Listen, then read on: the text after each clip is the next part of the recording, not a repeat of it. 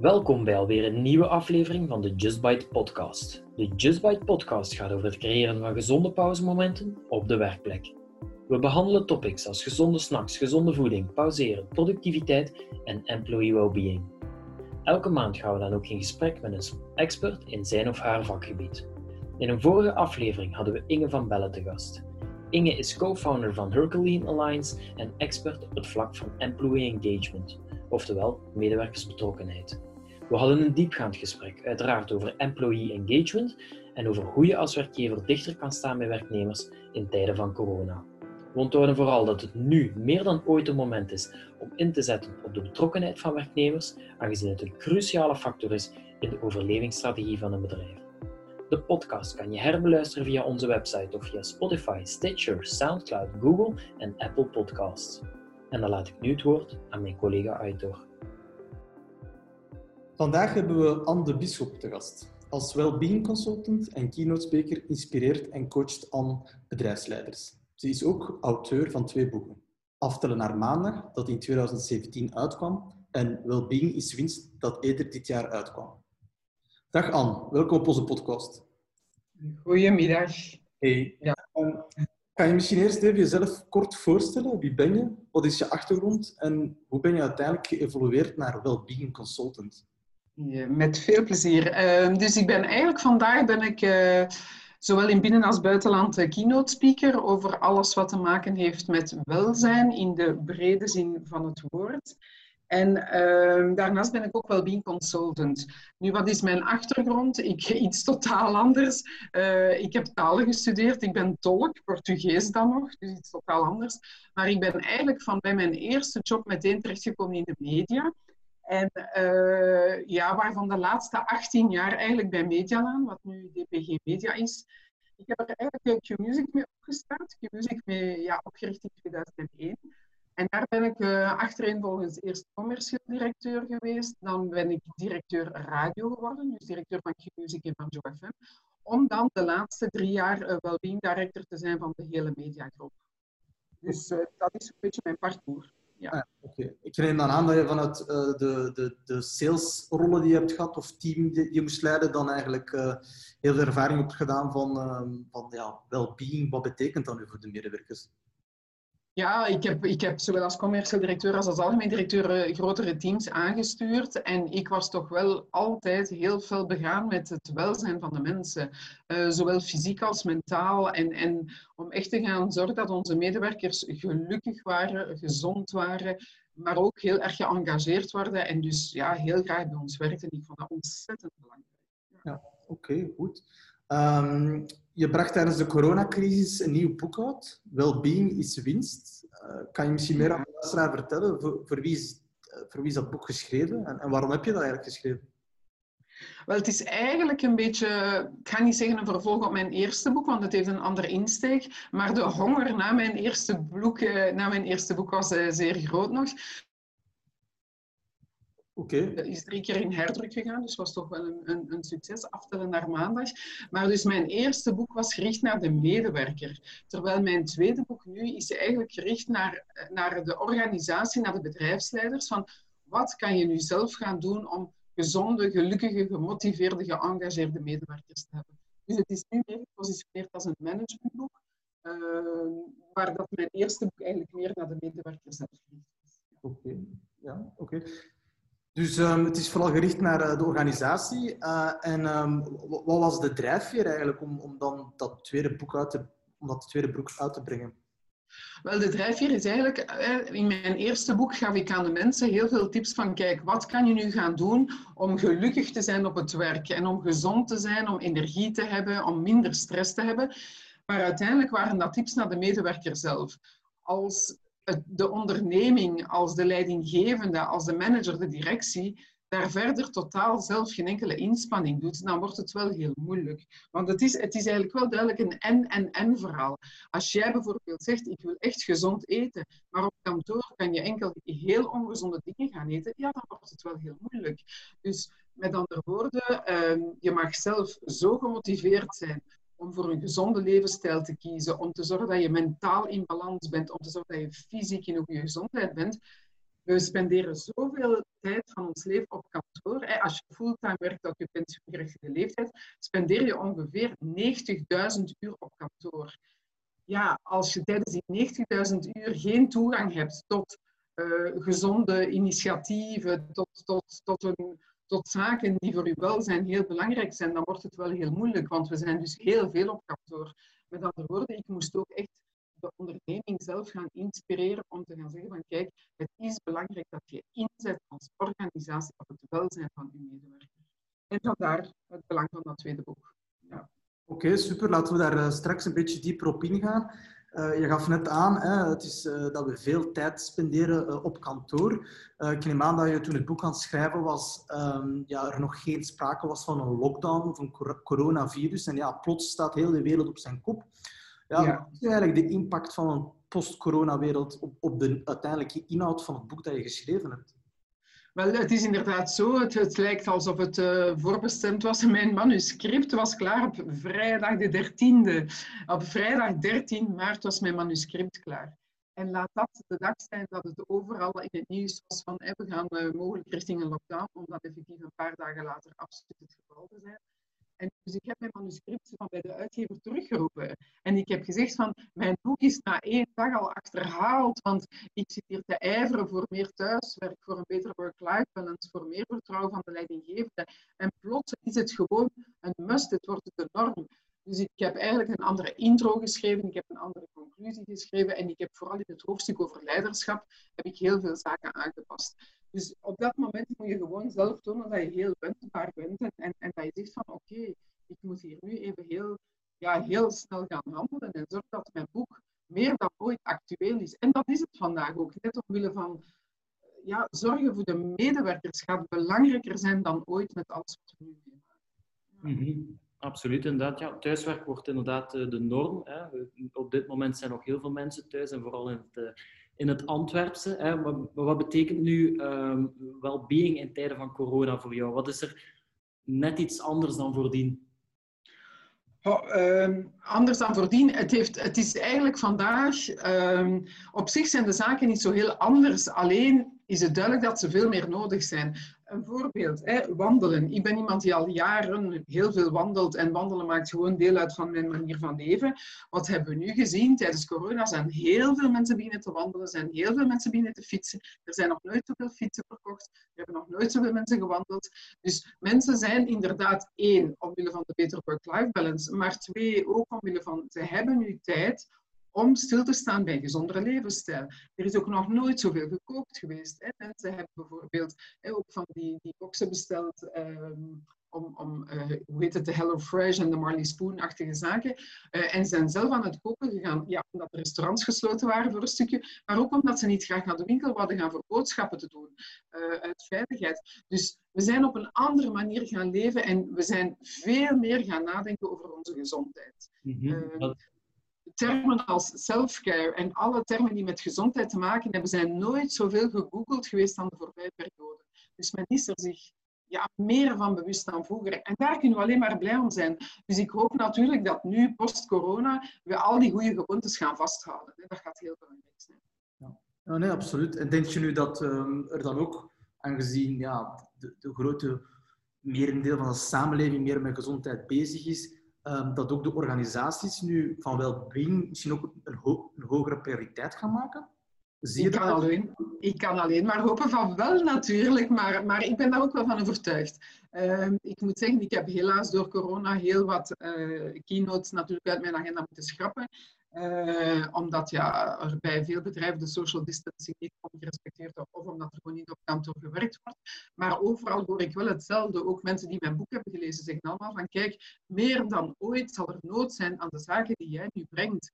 Uh, omdat er komt een ontslagronde, dat we, of die is al aan de gang of die komt er, dat weten we allemaal. We moeten, eh, er zijn bedrijven failliet aan het gaan, maar er zijn ook bedrijven die het financieel heel moeilijk hebben, dus er komt een ontslagronde des te belangrijker is het om heel goed te zorgen voor de mensen die er wel zijn. Want men gaat meer werk moeten verrichten met minder mensen. Dus jouw mensen gaan productief moeten zijn, gaan zich goed in hun vel moeten voelen, gaan energie moeten hebben. En net dan is het zo belangrijk om effectief een welzijnsbeleid te hebben. waar dat er aandacht is voor gezonde voeding, waar dat er aandacht is voor een goede nachtrust, waar dat er aandacht is voor, het belang van focus, voor je brein, al die zaken meer.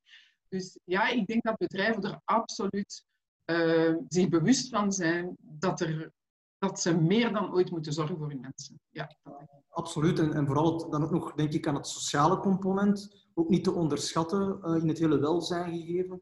Um, thuiswerken wordt de norm of we evolueren naar een hybride model.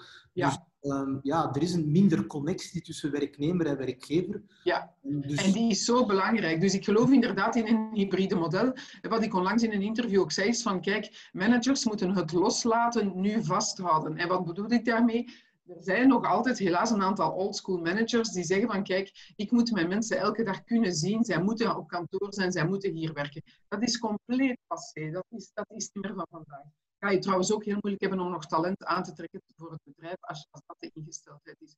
Dus ja, we moeten inderdaad naar een hybride model. Maar ik denk dat er vandaag ook niemand staat te wachten om fulltime thuis te werken. Want we zijn inderdaad, zoals je zegt, dat sociaal contact gaan missen. We zijn onze collega's gaan missen. En we vinden het eigenlijk niet zo fijn om, om elke dag, zeven dagen op zeven, hoe graag onze partner en onze kinderen ook zien. We zijn niet gemaakt om zeven dagen op zeven uh, enkel binnen onze vier muren te blijven. We hebben dat sociaal contact nodig. En heel veel mensen hebben ook een zeer goede band met hun collega's en zijn de collega's en ook de sfeer op kantoor gewoon gaan missen. kijk naar je middagpauze. op, normaal op kantoor is dat een fijn moment. Zeg je van, kom aan, we gaan nu samen naar het bedrijfshuisstrand of we gaan samen naar de saladbar of wat dan ook. Hè, maar we gaan, uh, we gaan samen de lunch doorbrengen. Dat zijn allemaal zaken die we nu missen. Hè. Uh, Absoluut. Dus ik geloof heel veel in een hybride model van bijvoorbeeld twee dagen thuiswerken, waar dat je dan ook je moeilijke focustaken kan doen, en drie dagen op kantoor, waar dat je dan inderdaad optimaal kan genieten van dat sociaal contact. Ja.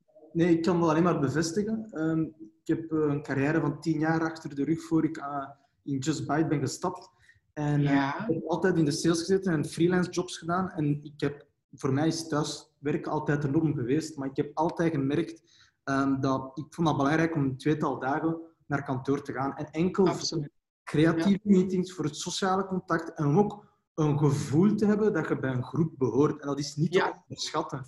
Maar wat ik ook wel gemerkt heb, is dat de dagen dat ik op kantoor was, ik alles behalve productief was. Maar dat dat ook niet erg erg was. Want uiteindelijk... Nee, maar daarvoor is het dan effectief het hybride model ideaal. Spaar je zaken waar dat je strategisch moet nadenken, waar dat je goed moet focussen, die spaar je op voor die twee dagen dat je thuiswerkt bijvoorbeeld.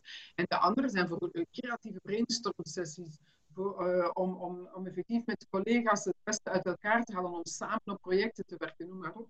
Dus uh, nee, dat hybride model, dat, uh, allez, corona, het is heel spijtig wat er aan het gebeuren is, maar laten we hopen dat het ooit voor een aantal zaken heel goed is. En dit is zeker iets waar we in een stroomversnelling komen. Ik noem op dat gebied corona de teletijdsmachine naar de toekomst, waar sommige bedrijven nog een paar jaar zouden overdoen, is nu een paar weken moeten gebeuren. Dus, uh, ja, absoluut. Um, allee, een van onze waarden is ook positief zijn. En ik denk dat we er ook gewoon heel positief naar kijken. En ik denk dat elk bedrijf dat moet proberen te doen, hoe moeilijk de periode ook is. En kijken naar wat de opportuniteiten zijn en, en die ook grijpen.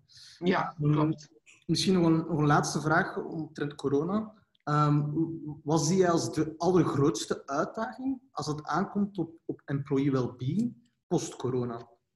Post-corona, dat is een beetje wat ik zei, van nu de goede gewoontes vasthouden. Hè. En, en bijvoorbeeld, als we, stel de, de, mensen komen weer vaker naar kantoor binnenkort, laat het ons hopen.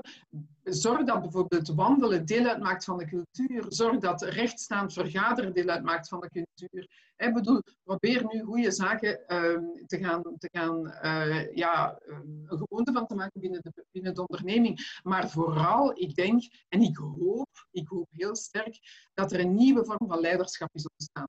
En wat bedoel ik als er uh, voor corona nog steeds top-down controlerende managers zouden zijn? Ik hoop dat die managers vandaag zijn gaan inzien dat je met vertrouwen veel verder komt en dat je effectief vrijheid moet geven en vertrouwen moet geven en dat op die manier eigenlijk de mensen het beste van zichzelf geven. Ik hoop dat dat iets is dat, we, dat veel managers echt gaan ontdekken.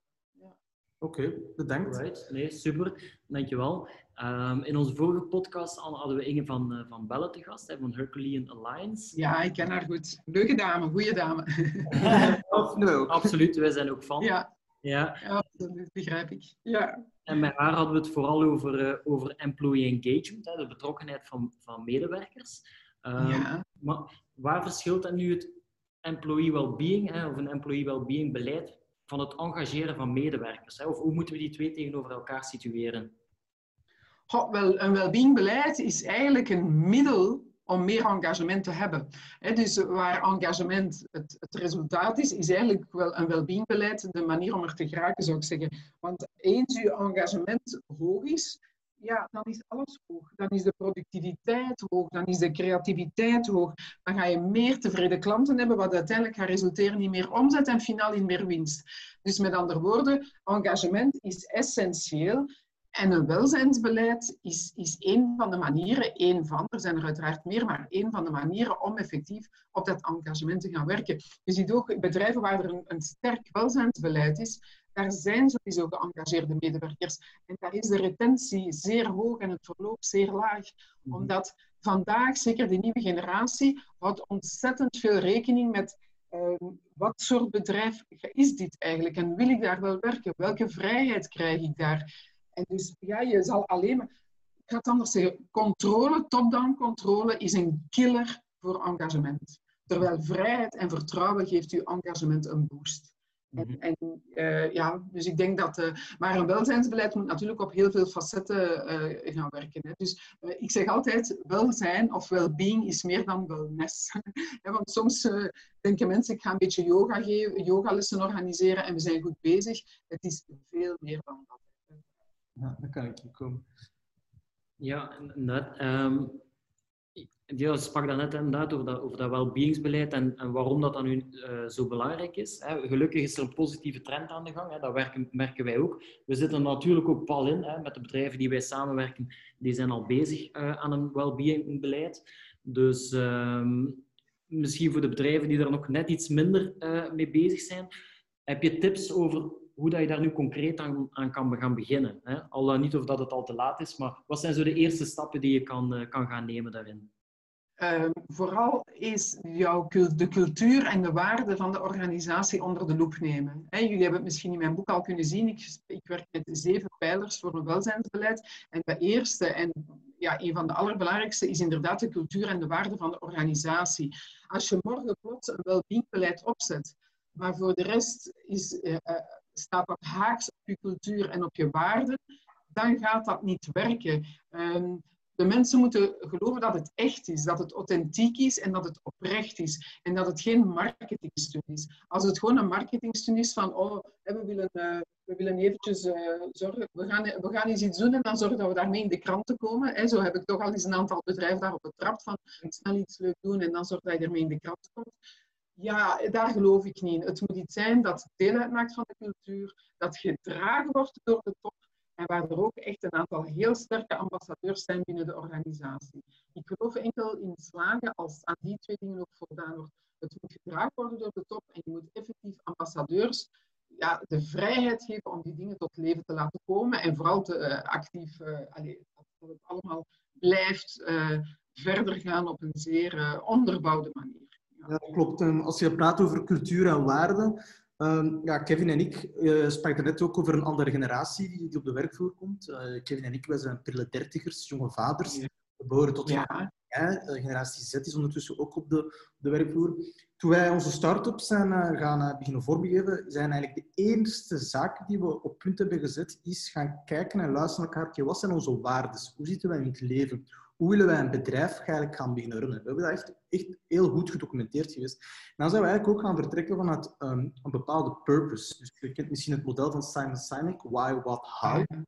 Why, the, how, what. Ja, ja, ja. Inderdaad, daar hebben wij uh, uitgebreid de tijd genomen om, uh, om, om die oefening, om, om dat verhaal en die narratief heel scherp te stellen. Niet als marketingstunt, maar omdat we daar echt aan geloven en omdat wij tot een generatie behoren die echt graag impact willen maken. En allee, ik, allee, helemaal mee eens met wat je in je boek omschrijft. Ik denk dat cultuur en waarden een heel belangrijk fundament is uh, om dat jong talent te gaan aantrekken en te gaan binden, maar ook om het juiste cultuur te creëren, om een, om een, om een, om een bedrijf te creëren waar, uh, waar well-being uh, succesvol kan zijn. Ja. Cultuur, waarde, purpose, uh, eerste pijler. Wat zijn zo de andere pijlers die je omschrijft in boek? een uh, belangrijke is dan wat we kennen als het ABC van de medewerker. Dus waar we geven, je, de medewerker autonomie, hij zorgt voor belonging, de B van belonging, en dan de C van competences. Dus met andere woorden, die autonomie, dat heb ik net ook gezegd, van durf vrij, laat de mensen vrij, vertrouw hen, en dan gaan ze de beste resultaten neerzetten. Belonging, dat zei ik daar net zelf, tijdens corona zijn we gaan missen, hè, dat zijn we collega's gaan missen en wil je effectief, je wil deel uit voelen, dat je deel uitmaakt van een groter geheel. Uh, dus dus um, dat belonging is absoluut heel belangrijk. En dan competenties. Het is ontzettend belangrijk om te inzetten op blijven leren. Um, learning and development moet standaard deel uitmaken van elke organisatie. Ik denk dat dat ontzettend belangrijk is. En, en um, al te vaak is het, als men vraagt van ah, mag ik een opleiding volgen, ja, dan, dan mag er een opleiding gevolgd worden. Daar moet structuur achter zitten, daar moet, daar moet echt een heel beleid achter zitten. En voor elke generatie. We moeten tegenwoordig eh, werken tot 67. Als je aan goed generatiemanagement doet, wil dat zeggen dat je met vier generaties samenwerkt op de, op de werkvloer. Dan moet je inzetten op learning and development voor al die organisaties. En je moet de expertise van de nieuwe mensen, de jonge mensen omarmen, maar je moet eh, dus de nieuwe know-how, de, digital know-how, maar je moet ook die enorme ervaring, die bagage, de historiek van, van de ervaren uh, generatie, die moet je ook omarmen. Alleen ga je ook hen moeten bijscholen in bepaalde zaken. Net zoals dat je ook de jonge mensen moet bijscholen. Dus learning and development is echt essentieel. Absoluut. Ja, learning and development komt ook in twee richtingen. Hè, van de oude generatie naar de jonge en de jonge naar de oude. Uh, maar ook geen, um, een, een approach die verschilt van doelgroep per doelgroep. Ik neem aan dat de jonge generatie via gamification en online tools aan learning development kunt doen, terwijl misschien bij de oudere populatie iets klassiekere vormen gekozen worden. Ja, ik geloof altijd heel snel in, heel, heel sterk in maatwerk. Je moet gaan zien van welk type mensen of welk type groep zit voor mij en hoe pak ik die best aan. Uh, als ik keynotes of workshops geef, probeer ik altijd zoveel mogelijk op maat te werken. Omdat je moet echt gaan zien, iedereen is verschillend. Dus er is niet one size fits all. Dus je moet echt gaan kijken wie heeft wat nodig. En dan gaat het resultaat ook uh, naar beneden en gaat het een veel hoger resultaat hebben. Ja. Um, Oké, okay, dus uh, cultuurwaarde, uh, de ABC van werkgeluk. Um, wat hebben we nog um, van pijlers? Uh, als ik ze alles, ik wil ze alles even opnoemen, maar dan denk ik dat we nog een heel tijdje bezig zijn. maar dus uiteraard is het heel belangrijk om nog te gaan werken op de, op de mentale balans, op de fysieke gezondheid, op de mogelijkheid om te focussen. En bijvoorbeeld bij mogelijkheid om te focussen, wat komt daar allemaal ook bij bod van? Um, hoe zit het met de vergadercultuur binnen een organisatie? Hoe zit het met de mailcultuur binnen een organisatie? Hoe zit het met de indeling van de werkplek? Bijvoorbeeld ook vandaag zijn heel veel bedrijven met een open workspace. Um, als je daar dan zegt van um, thuiswerk is niet mogelijk, dan verplicht je eigenlijk de mensen om in een, een, zone waar het heel moeilijk werken is, waar het heel moeilijk is om te concentreren, ja, dan kan je niet verwachten van de mensen dat ze daar in optimale concentratie kunnen werken. Dus probeer ook, daar geef ik ook heel veel, heel veel uh, workshops over van hoe ziet de ideale werkvloer er nu uit, is ook ontzettend belangrijk. Dus het is, het is echt een en-en-en verhaal. En, en het, eigenlijk is dat wat ik daarnet zei. Welzijn is zoveel, zoveel meer dan, dan dat sportlesje hier of een, een yogalesje daar. Het is, wat ik net om te zeggen, de indeling van de werkvloer. De, hoe zorgen we de mentale balans van onze mensen? Hoe zit het met onze cultuur? Hoe zit het met onze opleidingstraject? Hoe zit het met ons leiderschap? Zo belangrijk dat ik daar uiteraard een apart, een totaal uh, apart hoofdstuk aan gewijd heb leiderschap is essentieel. Zeker. Ja. Right. Uh, jouw vijfde pijler was inderdaad fysieke uh, gezondheid. Hè. Dat is een van de pijlers waar wij ook met de JustBite aan, uh, aan bijdragen. En gezonde ja. levensstijl na, ehm, nastreven is, een, is veelal een individuele keuze. Dat is ook de reden waarom dat je jouw eerste boek geschreven hebt. En de tweede, tweede boek is meer op de, op de rol van de werkgever. Um, hoe kan die werkgever daar nu op inspelen om uh, ja, die gezonde levensstijl te gaan motiveren van hun, uh, van hun medewerkers? Ja, door inderdaad ook bepaalde zaken te gaan toepassen. En wat bedoel ik daarmee? Uh, als je enerzijds je medewerkers stimuleert om bijvoorbeeld voor een gezondere levensstijl te kiezen, maar je vindt in het gebouw enkel cola-automaten en enkel snoepautomaten, dan wordt het wel heel moeilijk. Dus toen ik bij Medialaan uh, Wellbeing Director was, heb ik er bewust voor gekozen om heel nauw samen te werken met onze cateraar. En dan zijn we echt gaan kijken van oké, wat zit er allemaal in het aanbod? En we zijn daar ook gaan kijken, zijn er voldoende groenten? Is er voldoende variëteit? dus er was altijd mogelijkheid om te kiezen tussen uh, ik denk een achttal salades, altijd waren er drie verse soepen, altijd heel veel vers fruit. En noem maar op, ook altijd volkoren producten en niet uh, enkel de, ja, de, de minder gezonde, wittere uh, versies. Maar, ehm, en dan, ja, ik denk een beetje ook waar, waar jullie dan actief in zijn. Wat ik ontzettend belangrijk is, is ook op het gebied van snacks de gezonde alternatieven te bieden. In heel veel bedrijven vind je enkel snoepautomaten. Wat ik heb gezegd, of wat ik bij veel bedrijven zeg, is van kijk, je kan niet verbieden. Ik geloof ook niet in, in gebieden en verbieden. Daar geloof ik niet in. Geloof in motiveren en inspireren. Dus wat zeg ik? Zet het cola-automaat en het snoepautomaat, zet dat ver en uit het zicht. En, en waar dat ze eventueel een paar trappen moeten voornemen, maar vooral dat het niet in het zicht staat. En zet de gezonde alternatieven, geef die een heel prominente plaats. Uh, bijvoorbeeld ook in veel bedrijven zijn er koffiecorners. Zorg tenminste voor een gezellige koffiecorner, want dat is belangrijk voor dat sociaal contact. En zorg dat daar gezellige, uh, gezonde alternatieven zijn. En dat, daar, dat men daar niet grijpt naar de zoete koekjes en de, de, de chocoladerepen en wat dan ook. Maar geef de mogelijkheid, gebied niet en verbied niet, maar geef zeker de mogelijkheid om altijd voor gezonde alternatieven te kiezen. Ja. Ook het nudging, wat men zegt, van zorg, zorg geef het voorbeeld, zorg dat het er is. En, en, en maak daar een leuk verhaal rond, kader dat in een groter geheel. En, en ja, ik geloof daar heel sterk. Ja. absoluut. En dat is eigenlijk met Just Bite waar we eigenlijk ook een beetje in opspelen.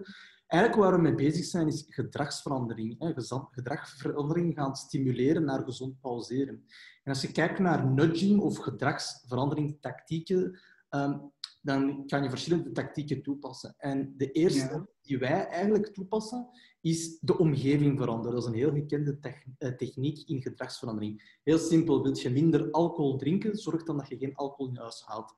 Wil je gezonder gaan eten, begint dan met het, het gewoon gezonde voeding te gaan aanbieden. En dat is wat we eigenlijk ook doen met onze dienst van het leveren van gezonde snacks op de werkplek, uh, is het effectief te gaan voorzien van. Want Um, als je dan uh, goestingje krijgt in een, in een tussendoortje, dan gaat het tenminste grijpen naar iets dat gezond is. En als je dat ook recurrent blijft aanbieden, dan ontstaat ook gedragsvorming, omdat je daar meer en meer en meer van gaat beginnen proeven.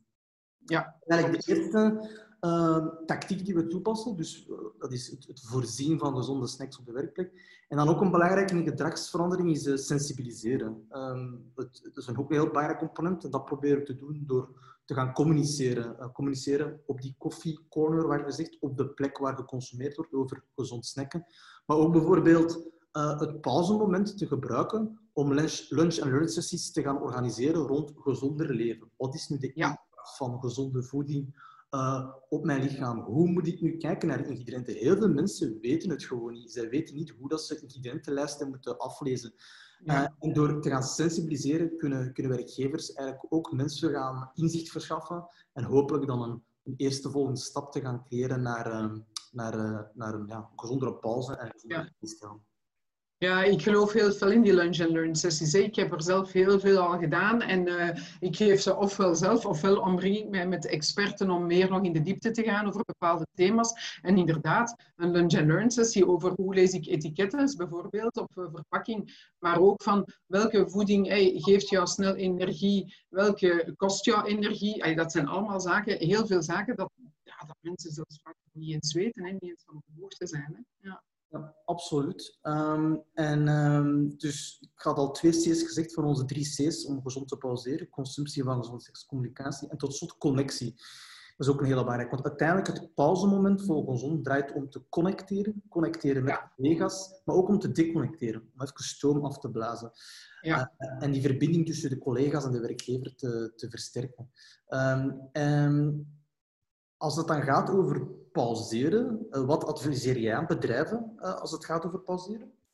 Wat ik eh, bij veel bedrijven waar ik of als consultant of, als keynote speaker eh, ben langs geweest heb ingevoerd, is een pauzebox. En wat bedoel ik met die pauzebox? Heel eenvoudig, een mand of een box waarin zit een bal, een hoepel, een springtouw en een set badmintonraketjes. En eigenlijk op die manier geef je een krachtig signaal naar, naar de medewerkers van kijk, het is oké om een pauze te nemen. Wat zie je bij bedrijven? Bij bedrijven zie je dat men vandaag, de rokers, die staan aan de deur. De rokers die nemen een pauze, omdat er binnen niet mag gerookt worden. Dat is de reden waarom ik vroeger ooit de slechte wandelaar, de goede wandelaar, maar ik kan er eigenlijk niet achter staan, zei waarom rokers gezonder zijn. Eenvoudigweg, rokers zijn uiteraard super ongezond, maar uh, zij nemen wel een pauze. En die pauze is super belangrijk. Dus met andere woorden, cultiveer in je organisatie van it's okay to take a break. En dus bij ons stond er zo echt een de actieve pauzebox. En dan nam ik ook af en toe een leuk fotootje, dan postte ik dat op het intranet. Ik had drie kleine trampolines staan, mini-trampolines in de, in de tuin. Maar dus ook die badmintonraketjes, die frisbees, die hoepels, waarop. En je moet gewoon een signaal geven, dat het past binnen onze cultuur. Het is oké dat jullie een pauze nemen. Het is wetenschappelijk bewezen dat we ons eigenlijk maar één uur optimaal kunnen concentreren. Dus met andere woorden, stimuleer die pauze. Want het is maar dan dat de mensen productief gaan zijn en dat ze de rest van de dag energie gaan hebben. Maar je moet daar een beetje hulpmiddeltjes hebben. En zo'n springtouw, een frisbee, een hoepel, een bal. Het helpt wel. Hè? Want als je dan niet rookt en je gaat naar buiten, ja, je staat daar dan te staan. En dan ga je, is de kans groot dat je naar je gsm grijpt, naar Facebook, naar Instagram. Want dat is ook een tip die ik geef. Van, probeer tijdens je pauzes je gsm gewoon op je bureau te laten liggen. Want anders wordt het ook meteen een digitale pauze, terwijl het moet een actieve pauze worden in de buitenlicht en inderdaad liefst met collega's. Ja. Absoluut. Um, ik geloof er ook helemaal in. Mijn vorige werkgever had, eh, had, had, gewoon een pingpongtafel buiten staan. En dat is iets heel doms, dat kost niet veel geld, maar dat zorgt er wel voor dat een beetje collega's naar buiten gaan, dat competitie. Zeker. Wij hadden dat bij Medialaan ook en die was altijd bezet. Altijd. En ik was blij dat hij altijd bezet was, want dat, dat, er stonden twee tafels. En bijvoorbeeld de mensen van de nieuwsdienst, ja, de mensen van de nieuwsdienst die moesten soms wel een tijdje wachten eer, ze, uh, eer er iets gebeurt in de wedstrijd of wat dan ook. Dus eigenlijk de periode dat zij, uh, dat zij thuis uh, dat zij aan het wachten waren, die konden ze op die manier eigenlijk heel, heel actief gebruiken. Dus dat heeft heel goed gewerkt. Ja. Nu, je sprak daarnet over, ja, je adviseert niet om digitaal te pauzeren. Ik snap wat je wilt zeggen. Het gaat op deconnecteren, dus even niet social media gebruiken. Maar we zitten nu wel in de nieuwe realiteit van veel van de collega's zitten nu eenmaal thuis. Dus ja, pauzeren begint ook een, een andere vorm te krijgen. Of er moet creatief nagedacht worden over uh, toch digitaal pauzeren zonder aan de social media verslaafd te zijn. Uh, en ook toch tegelijkertijd misschien iets fysiek te kunnen doen met de collega's. Heb jij in de laatste maanden toevallig uh, leuke creatieve ideetjes gezien om het pauzemoment op een creatieve manier op te lossen voor thuiswerkers? Ja, we hebben, ze, we hebben ze zelf. Eh, ik werk onder andere als consultant voor de Belgische Voetbalbond. En wat wij gedaan hebben tijdens de corona-lockdown, hebben wij um, elke vrijdag hebben wij een groepssportles gedaan. Dus eigenlijk kon je via Zoom uh, kon je deelnemen aan les. En ik heb dat gedaan met iemand van onze eigen medewerkers, want uh, bleek, ik ging dat in principe met iemand extern doen, bleek dat er iemand uit van de medewerkers uh, zelf ook in haar vrije tijd sportlessen gaf. Dus zij heeft dat dan gedaan, dus dat deden we en dat was een vaste afspraak. Uh, op een manier die eigenlijk ja, voor iedereen wel ehm, toegankelijk was, dus niet enkel voor de grote sportievelingen. En wat we ook hebben gedaan de hele tijd is uh, op, uh, dus het was eerst een aantal weken de sporttest, dan hebben we een aantal weken de quiz gedaan. Enfin, ze liepen samen door. Het een was op vrijdag, het andere was op donderdag. En dus op donderdag hadden we een leuke quiz, net om die connectie te houden. Uh, zodanig dat die connectie met de collega's, dat die er zeker zijn. Ja. Super, leuke ideetjes. Mooie initiatieven inderdaad. Uh, bedankt Anne. Uh, ik denk dat we stilletjes aan kunnen, uh, kunnen afronden. We hebben alle twee jouw boek gelezen. Uh, dat doet ik... mij plezier. het eerste of het tweede, of allebei? Uh, het, het, tweede. Heel, het tweede. Heel specifiek. De eerste heb ik ook nog gelezen. nee, ja, okay. de tweede inderdaad. En in jouw boek sluit je af met de vijf B's. Uh, ik denk dat dat heel veel waarde in staat, wat we de luisteraar misschien nog wel willen meegeven. kan je die misschien nog heel kort eventjes samenvatten? Ja, zeker. En eigenlijk van de vijf, want ik, moet, ik ga eerlijk toegeven, in mijn keynote beperk ik mij vandaag uh, vooral eigenlijk omdat het is altijd goed dat de mensen het ook heel goed kunnen uh, bijhouden. Eigenlijk zijn de belangrijkste zijn van, het klinkt misschien vreemd, maar zorg dat er een budget voor is. En wat bedoel ik met budget? Um, ik ga dat al meteen, want dat schiet soms al veel mensen af, dat ik zeg van kijk, uiteindelijk draait het niet om budget, maar het draait om een mindshift, sowieso. Maar tegelijkertijd zeg ik ook, als er totaal geen budget is, dan wordt het wel heel moeilijk. Dus je moet als het bedrijf moet bereid zijn om erin te investeren. Hè? Dus, dus de, de B van budget vind ik wel een heel belangrijke. Uh, de tweede zeer belangrijke vind ik betrokken. Uh, zorg dat die medewerkers betrokken zijn, want uh, de grootste fout die ik zou hebben kunnen maken uh, destijds is om volledig op mijn eentje een welzijnsbeleid uit te stippelen. Ik ben begonnen met te luisteren naar de medewerkers, met een start-stop-continue oefening en met de vragen van ehm, wat vinden jullie belangrijk? Wat kost jullie stress? Wat vraagt te veel energie van jullie? En wat jullie energie kunnen geven? Dus zorg dat die betrokkenheid er is. En ook nog een heel belangrijke is, zorg dat alles bespreekbaar is. En wat bedoel ik daarmee? Durf de zaken in vraag te stellen. Um, het is niet omdat je iets in je plan hebt, dat dat nadien niet moet geëvalueerd worden. Het kan zijn dat iets nu heel goed gewerkt heeft, maar dat je zegt, kijk, volgend jaar gaan we dat toch niet terug hernemen. Dus maak, allez, zorg dat er ruimte is voor evaluatie. Ik denk dat dat heel belangrijk is. Dus als je zorgt dat er budget is, dat de zaken bespreekbaar zijn en dat je de guts hebt om effectief de zaken het jaar nadien te durven herbekijken, dan denk je dat je al heel, heel uh, goed bezig bent. Dus als de mensen... Uh, ja. Wat ook belangrijk is, is zorg dat er toch een dedicated, want als ik zeg budget, is het niet enkel de centen, maar het helpt als er iemand dedicated mee bezig is. Ik sprak net ook van de ambassadeurs, maar zorg ook dat er iemand is die er dedicated mee bezig is. Want anders kan het toch wel het gevaar er zijn dat leuke initiatieven een snelle dood zullen krijgen. Dus als iemand, en gelukkig zie je het meer en meer binnen organisaties, het heeft alle mogelijke namen vandaag, well-being, eh, maar ook chef geluk, chef happiness. Uh, uh, het heeft soms de gekste namen, maar zorg in ieder geval dat er iemand is die zorgt dat de initiatieven er komen en die vooral ook zorgt dat alles heel sterk in leven wordt gehouden. Ik denk dat dat heel belangrijk is. Absoluut. En, die... en zoals je zelf zei, lunch en learns organiseren, leuke initiatieven doen, maar dan ook structurele zaken. En pas op, ik, ik, ik wil hier niet echt uh, gewoon uh, laten reclame gaan maken, absoluut niet. Maar bijvoorbeeld jullie initiatief, dat hoort absoluut thuis in dat rijtje. Want voeding heeft een enorme impact op, uh, op uh, het energiepeil van de mensen. En het energiepeil is ontzettend belangrijk, wil je productief uh, de dag doorkomen. Dus ja, zorg, het is belangrijk dat, dat het bedrijf zorgt voor, voor die gezonde alternatieven. Dat is ontzettend belangrijk. Super. Uh, Anne, bedankt. Um, we gaan direct afronden, maar ik ga even nog een brugje bouwen. Want gezonde voeding, daar gaan we eigenlijk in de volgende podcast over praten met dokter Rudy Proesmans. Rudy die is orthomoleculair arts, of om het iets makkelijker te verwoorden, een arts die zich bezighoudt met geneeskunde door middel van de juiste voeding. En in 2090, in 2009 liever, verscheen zijn boek Optimaal gezond zonder medicijnen. En die is ondertussen al toe aan een uh, twintigste druk. Uh, en daar gaan we het voornamelijk hebben over hoe voeding de sleutel is tot preventieve gezondheidszorg en dus het voorkomen van ziek worden. Dus aan de luisteraar, uh, als je vragen hebt voor Rudy, stuur ons gerust een berichtje via sociale media of naar info.justbite.eu. En tot slot, Anne, uh, willen wij u hartelijk bedanken. we weten dat het ondertussen heel mooi weer is, 30 graden, en dat uw dochter vandaag jarig is en je naar een barbecue moet gaan. Dus... Ja, het is uiteindelijk geen barbecue geworden hoor, met dit warm weer. Het worden allemaal lekkere en gezonde slaatjes. Ah, super, oké. We zagen het met deze temperaturen niet zitten om de barbecue aan te steken, maar we hebben zeer gezond uh, en een gevarieerd aanbod, zowel in kleur als in smaak. Dus het een fijne avond sowieso. Maar dat is eigenlijk al direct inspelen op gezonde voeding, want we moeten allemaal een beetje minder vlees eten. Inderdaad, inderdaad. voilà. Uh, Anne, hartelijk bedankt. Uh, viert dat daar goed. Uh, zeg maar.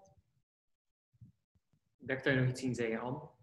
Ah, nee, sorry, sorry. Nee, nee, nee. Ik, ik zei gewoon, dat gaan we doen. Maar jullie ook bedankt voor, voor de leuke podcast. Heel veel succes verder, zou ik zeggen. We trekken allemaal aan hetzelfde eind. Het is zowel jullie als mijn doel om te zorgen dat de medewerkers binnen een organisatie alle kansen krijgen om een gezonde levensstijl te hebben. Dus ik geloof heel hard in waar jullie mee bezig zijn.